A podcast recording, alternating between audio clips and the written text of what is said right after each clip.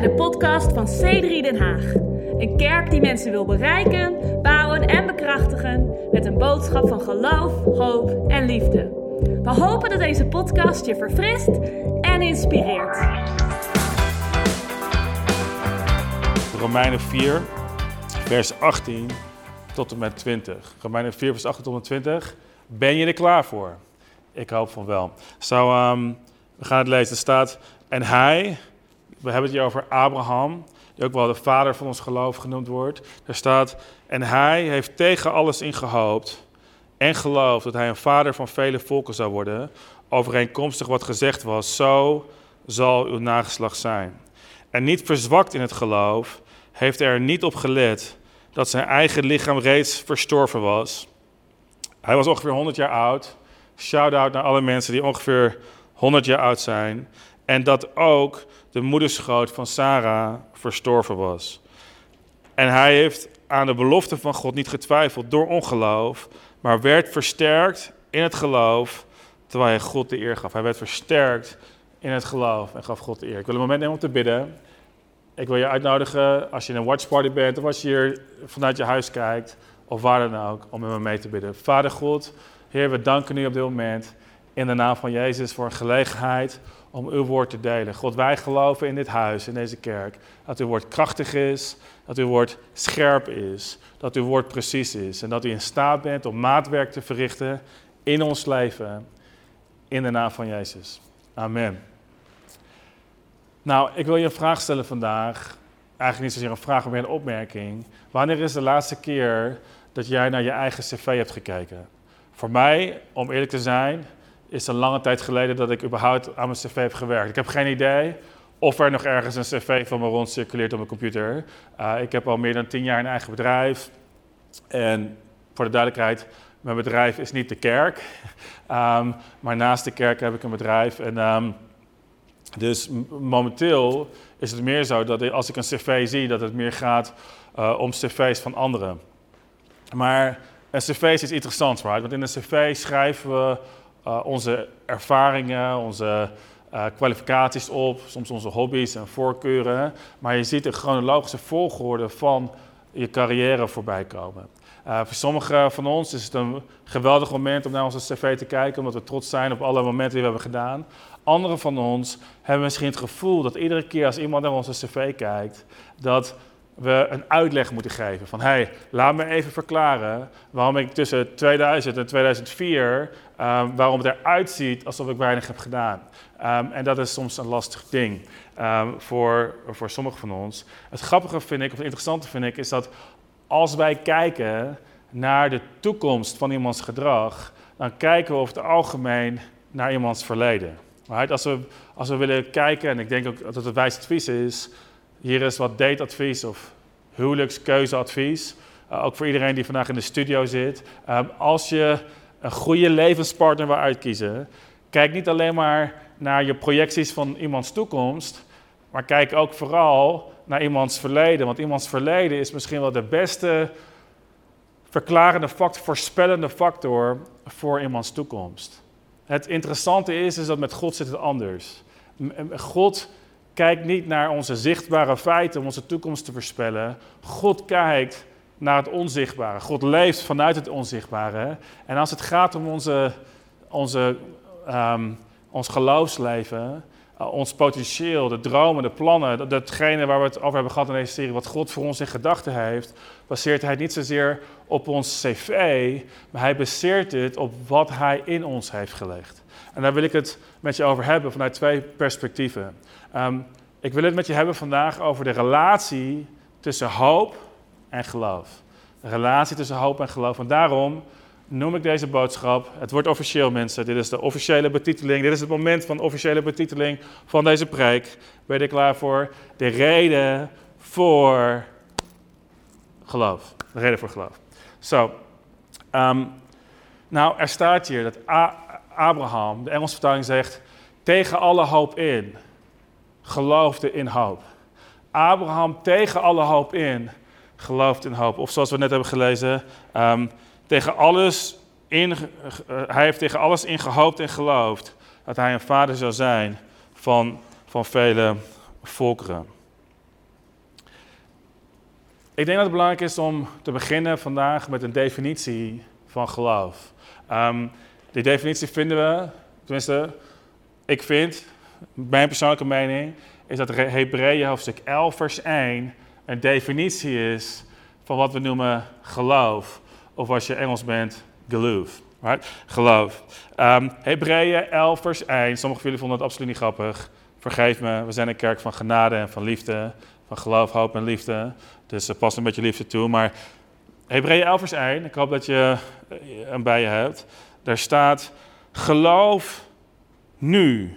Ik hou ervan. Overigens, ik heb het mij is verteld dat in de Griekse teksten geen nu staat. Maar staat, het geloof nu is een vaste grond van de dingen die men hoopt. Het bewijs van de dingen die men niet ziet. Het geloof is de vaste grond voor wat we hopen. De uh, New King James vertaling zegt, now faith is the substance of things hoped for, the evidence of things not seen. Zo, dat is de definitie, een definitie die ik zou willen hanteren over geloof. Geloof is, um, is een vaste grond, een zekerheid voor hetgeen dat we hopen, een bewijs voor de dingen die we niet zien. Nou, mijn eerste gedachte die ik met je wil delen over geloof en hoop vandaag, is dat um, als het gaat om geloof, zie, ik vind het interessant dat er staat geloof nu, nogmaals, dat is volgens mij geen letterlijke vertaling, maar het is wel mooi dat het er zo staat. Ons geloof is nu, maar ons geloof, is, ons geloof bevat de toekomst die we hebben. Of ons geloof, laat ik zo zeggen, ons geloof betreft de toekomst die we hebben, die nu al in ons is. En de eerste gedachte die ik met je wil delen is, de toekomst ligt, jouw toekomst ligt in jou. Jouw toekomst ligt, ligt verankerd in jezelf. En, en dat is wat geloof is. Geloof, Pastor Phil Pringle, de oprichter van C3, zegt, geloof is een tijdsrebel. Geloof heeft de, de capaciteit om nu te kijken naar de toekomst en om daar een zekerheid van te hebben. Het is heel erg apart, want we, we geloven nu wat we niet zien, maar we, we hebben een zekerheid en die zekerheid is geloof. We, we hebben een substantie van hetgene waar we in hopen en die, die substantie hebben wij nu al. Nou, voor heel erg lang en nog steeds um, heb ik het idee gehad dat ik een toekomst in me meedraag. En ik hoop dat jij vandaag een toekomst in je meedraagt. Um, ik heb heel erg lang geloofd dat er iets in mij was wat er nog niet uitgekomen was. Um, bijvoorbeeld, ik heb, ik heb heel erg lang mezelf gezien als um, iemand die geroepen is om te spreken. Al voordat ik begon te communiceren over het geloof, ik geloofde dat ik een roeping had. Ik weet niet helemaal precies waar het vandaan kwam, maar toen ik andere sprekers zag, toen ik andere mensen zag communiceren, op de een of andere manier zag ik mezelf communiceren. En ik kan het niet verklaren, maar ik geloofde dat het iets was wat God voor mij had. Voor een hele lange tijd, sinds ik zo 18 ben, geloofde ik dat, dat, er, dat God een kerk in me had gelegd. Ik geloofde um, en uh, oprecht dat, um, dat God mij had geroepen om op de een of andere manier een kerk te leiden. Dat was iets wat ik zag, wat binnenin mij was, wat in mijn toekomst lag. En het vreemde is, is ik begon de Bijbel te lezen alsof ik op dat punt was. Ik begon um, te leren om mijn talenten te ontwikkelen, omdat ik, het was voor mij zo sterk dat ik wist dat ik me moest voorbereiden op een toekomst die er voor me lag. En dat was mijn geloof. Ik heb heel erg lang een verlangen gehad en eigenlijk een geloof um, om een bedrijf te beginnen. Zoals ik net al zei, ik, ben niet alleen uh, een pastor, ik leid niet alleen een kerk, maar ik heb ook het voorrecht om een, uh, een team van mensen aan te sturen uh, in mijn eigen bedrijf. Ik zal geen reclame voor maken, dat doe ik nooit in een kerkcontext. Maar ik geloofde dat God mij had geroepen om de een of andere manier om, om een ondernemer te zijn. Niet alleen maar voor de, voor de inhoudelijke voordelen, maar met name ook om anderen te inspireren om te ondernemen. Om christenen te laten zien dat ondernemerschap mogelijk is. En ik kom niet uit een omgeving van, ik ben niet opgegroeid door pastors in mijn familie, ik ben niet opgegroeid um, rondom ondernemers. Dus al die dingen waren voor mij compleet uit mijn context gegrepen.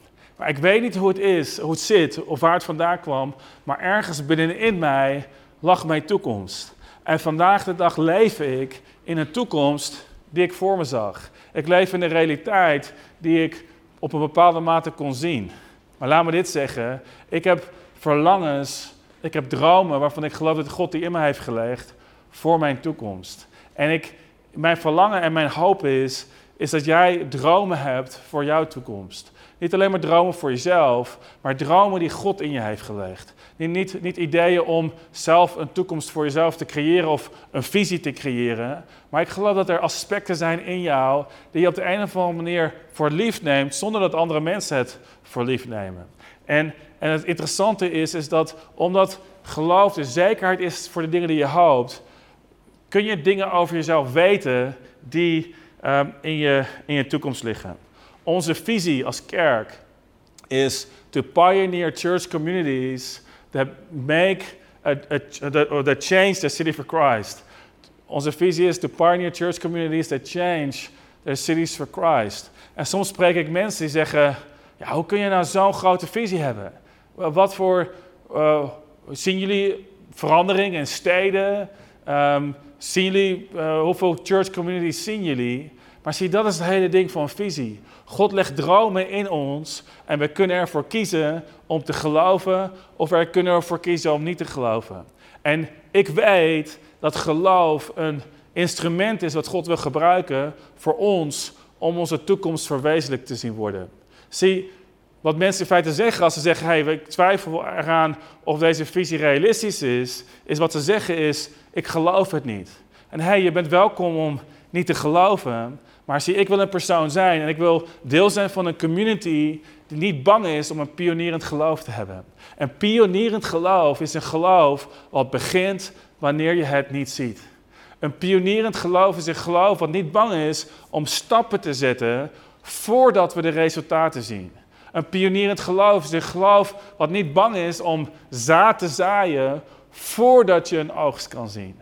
En dus als kerk zijn wij een, een gemeenschap, een community van geloof. En we hebben een visie. En we hebben ervoor gekozen om gehoorzaam te zijn aan een visie die groter is dan wat we nu kunnen zien. Waarom? Omdat geloof is het bewijs voor de dingen die men niet hoopt. Ik kan het je niet laten zien, maar ik kan het je wel helpen om te geloven.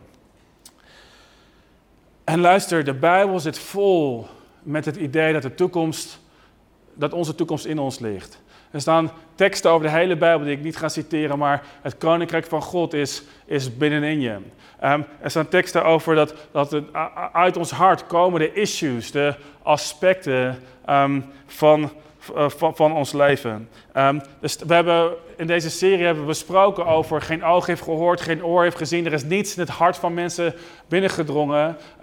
de dingen die God voor ons heeft voorbereid, maar God heeft ze ons laten zien door zijn geest. Um, hoofdstuk 2, wat we, uh, wat we uitzien komen in Handelingen hoofdstuk 2. Handig om te onthouden, Joel 2, Handelingen 2. Dan zien we een vervulling van wat, prof, wat de profeet Joel zei. Een aspect van het christendom is dat wij dromen zullen dromen en dat wij zullen profiteren, dat wij de toekomst zullen zien binnenin ons. En ik denk dat de taal van God, de taal van de Heilige Geest, is de droom die God voor ons heeft. En Gods plan, Gods methode om ons te veranderen, is om eerst iets in ons te leggen voordat we het zien om ons heen. Ik heb zo vaak mensen om mij heen die, um, als ze bepaalde aspecten van mijn leven zien, en mensen die mij van vroeger kennen en mij niet dagelijks zien, als, als ze bijvoorbeeld bij me thuis komen en wat verhalen horen van dingen uit ons leven, dan zeggen ze: Wie had het ooit gedacht? Uh, ik probeer dat te zien als een compliment, maar impliciet zeggen ze: ik had nooit verwacht, Lucas, dat jij het zo ver zou schoppen. Maar ze zeggen, wie had dit ooit verwacht? En ik zeg het eigenlijk nooit, behalve op camera in de kerk. Ehm, maar ik denk wel eens, I'm sorry, maar ik heb dit gedacht. En niet om te zeggen dat, ik, dat mijn leven maakbaar is, dat ik iets kan bedenken en dat het dan ontstaat. Maar ik geloof dat God gedachten, verlangens in mij legde, die ik zag voordat ik ze kan zien. En laat me dit zeggen, Um, wij zijn nog lang niet klaar met dromen als kerk. We zijn nog lang niet klaar als dromen als pastors. En er zijn veel dingen die we voor ons zien, die we nog niet hebben gezien. Ik geef toe dat ons, onze huidige situaties zijn klein ten opzichte van de dromen die we hebben.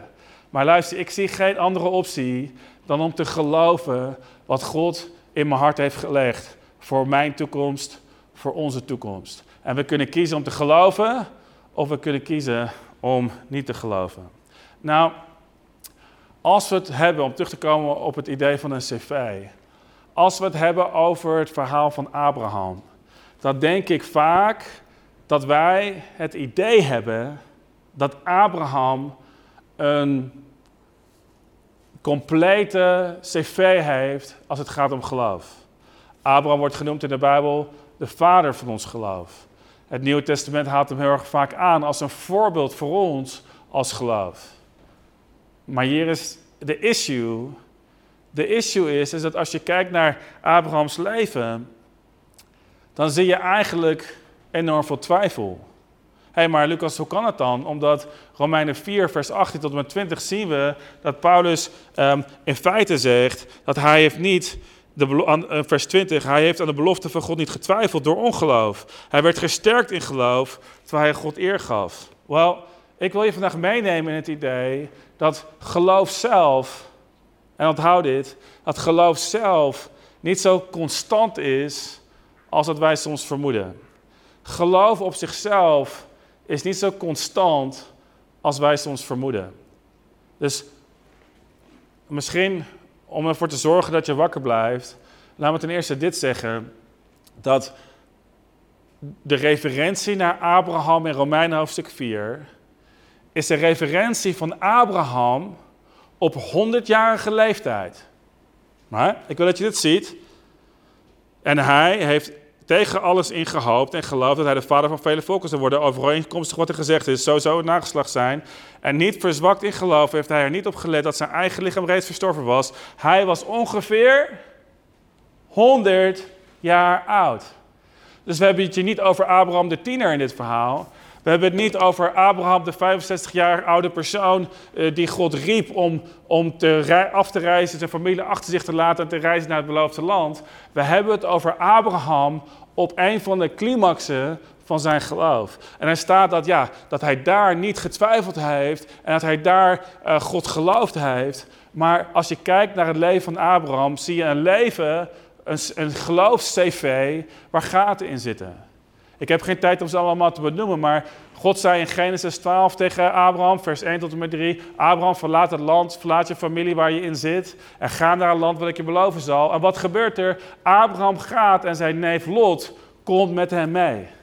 Ik heb deze week studies gelezen en commentaren waarin sommigen zeggen: het zou goed kunnen zijn dat Abraham zijn neef Lot met zich meenam, omdat hij dacht: als God mij een land wil geven en als God mij een vader wil maken van vele volkeren, dan heb ik een nageslacht nodig. En Abraham had op dat moment nog geen nageslacht van zijn enige vrouw Sarah.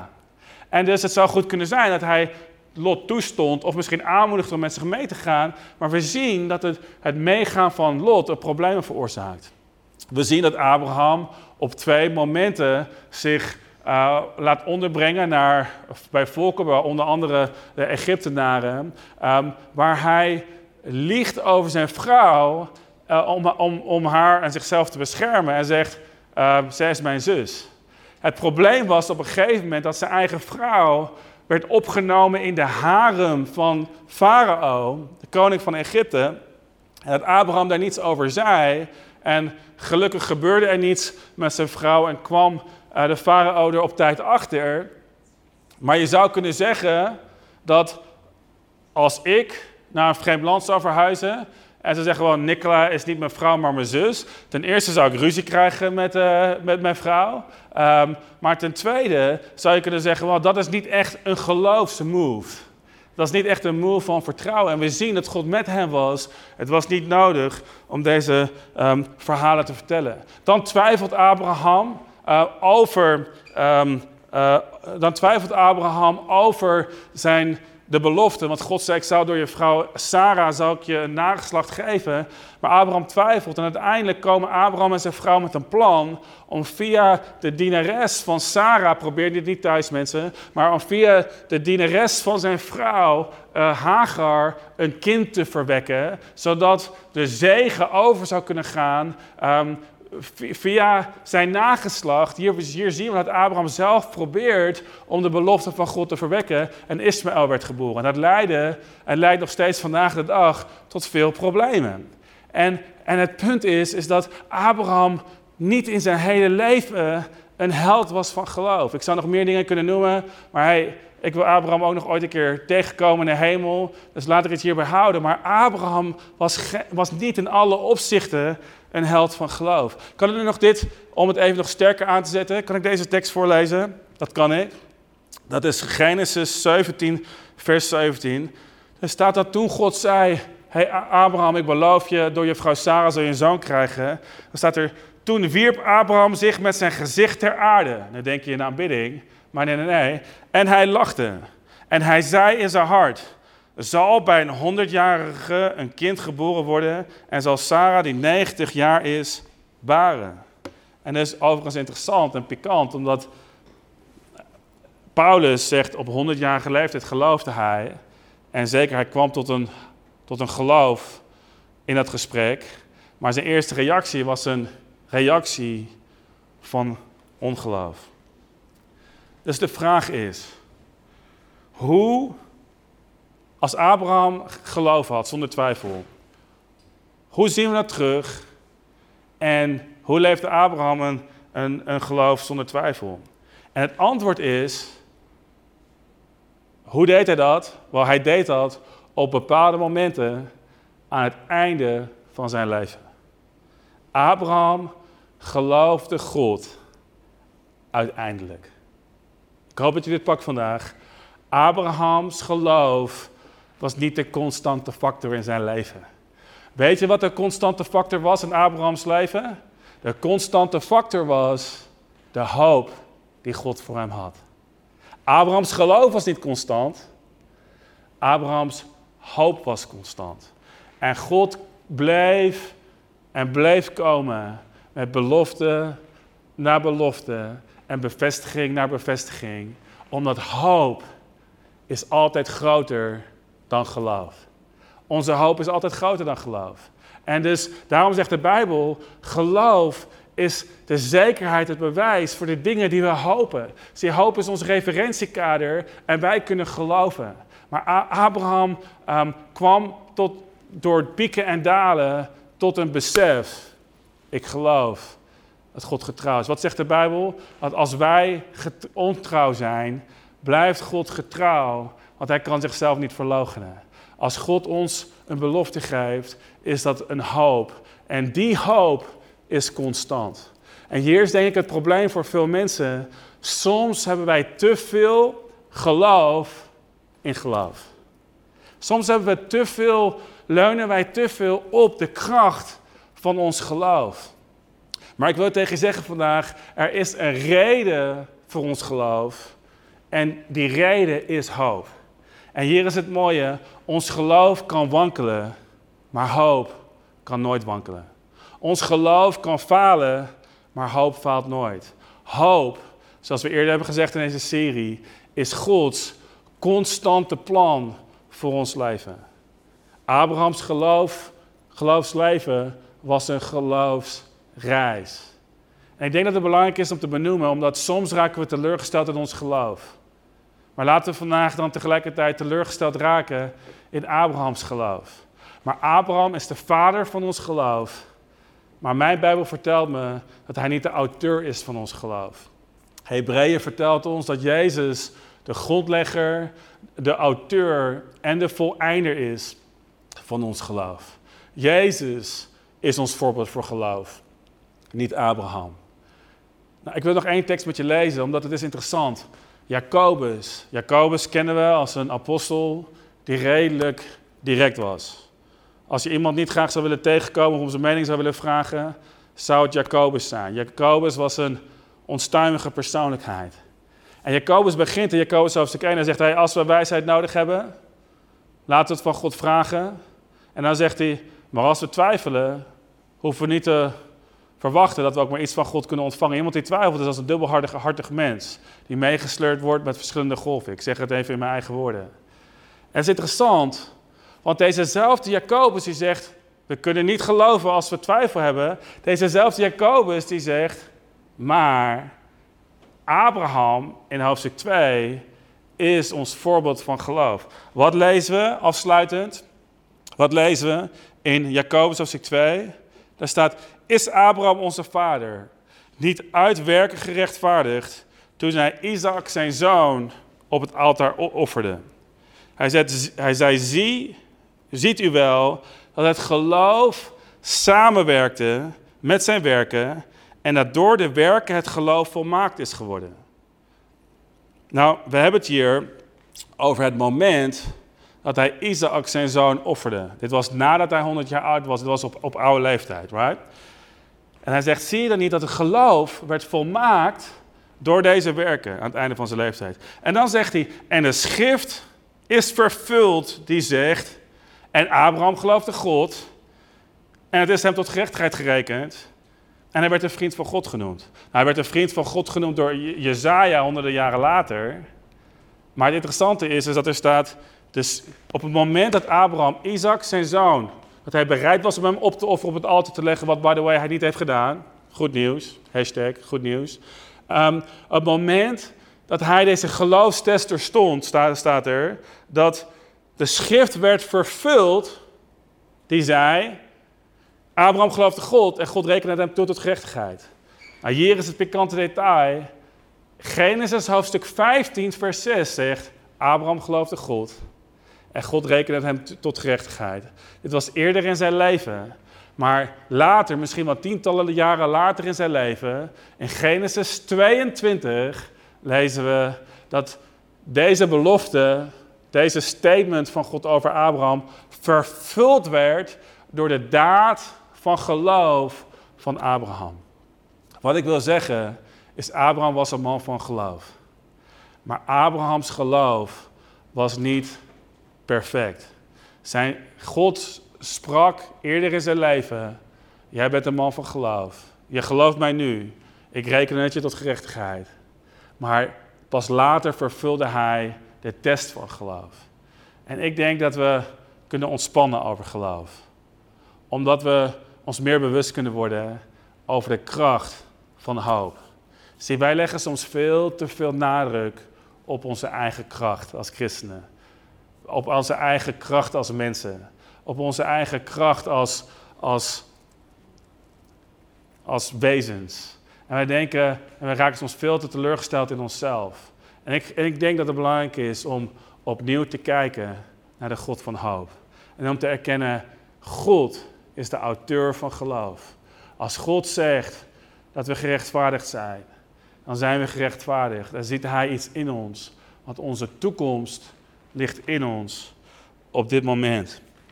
Wat ik wil zeggen is geloof is een reis. Wat ik wil zeggen is, is dat ons geloof is nooit volmaakt. Kan ik je dit zeggen? Het geloof van Abraham was, was niet perfect.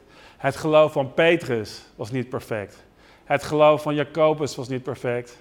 Het geloof van apostel Paulus, die dit schrijft in Romein hoofdstuk 4, was niet volmaakt. Maar hoop is volmaakt. En ons geloof is de zekerheid voor de dingen die we hopen. Ik wil vandaag je geloof opbouwen in hoop.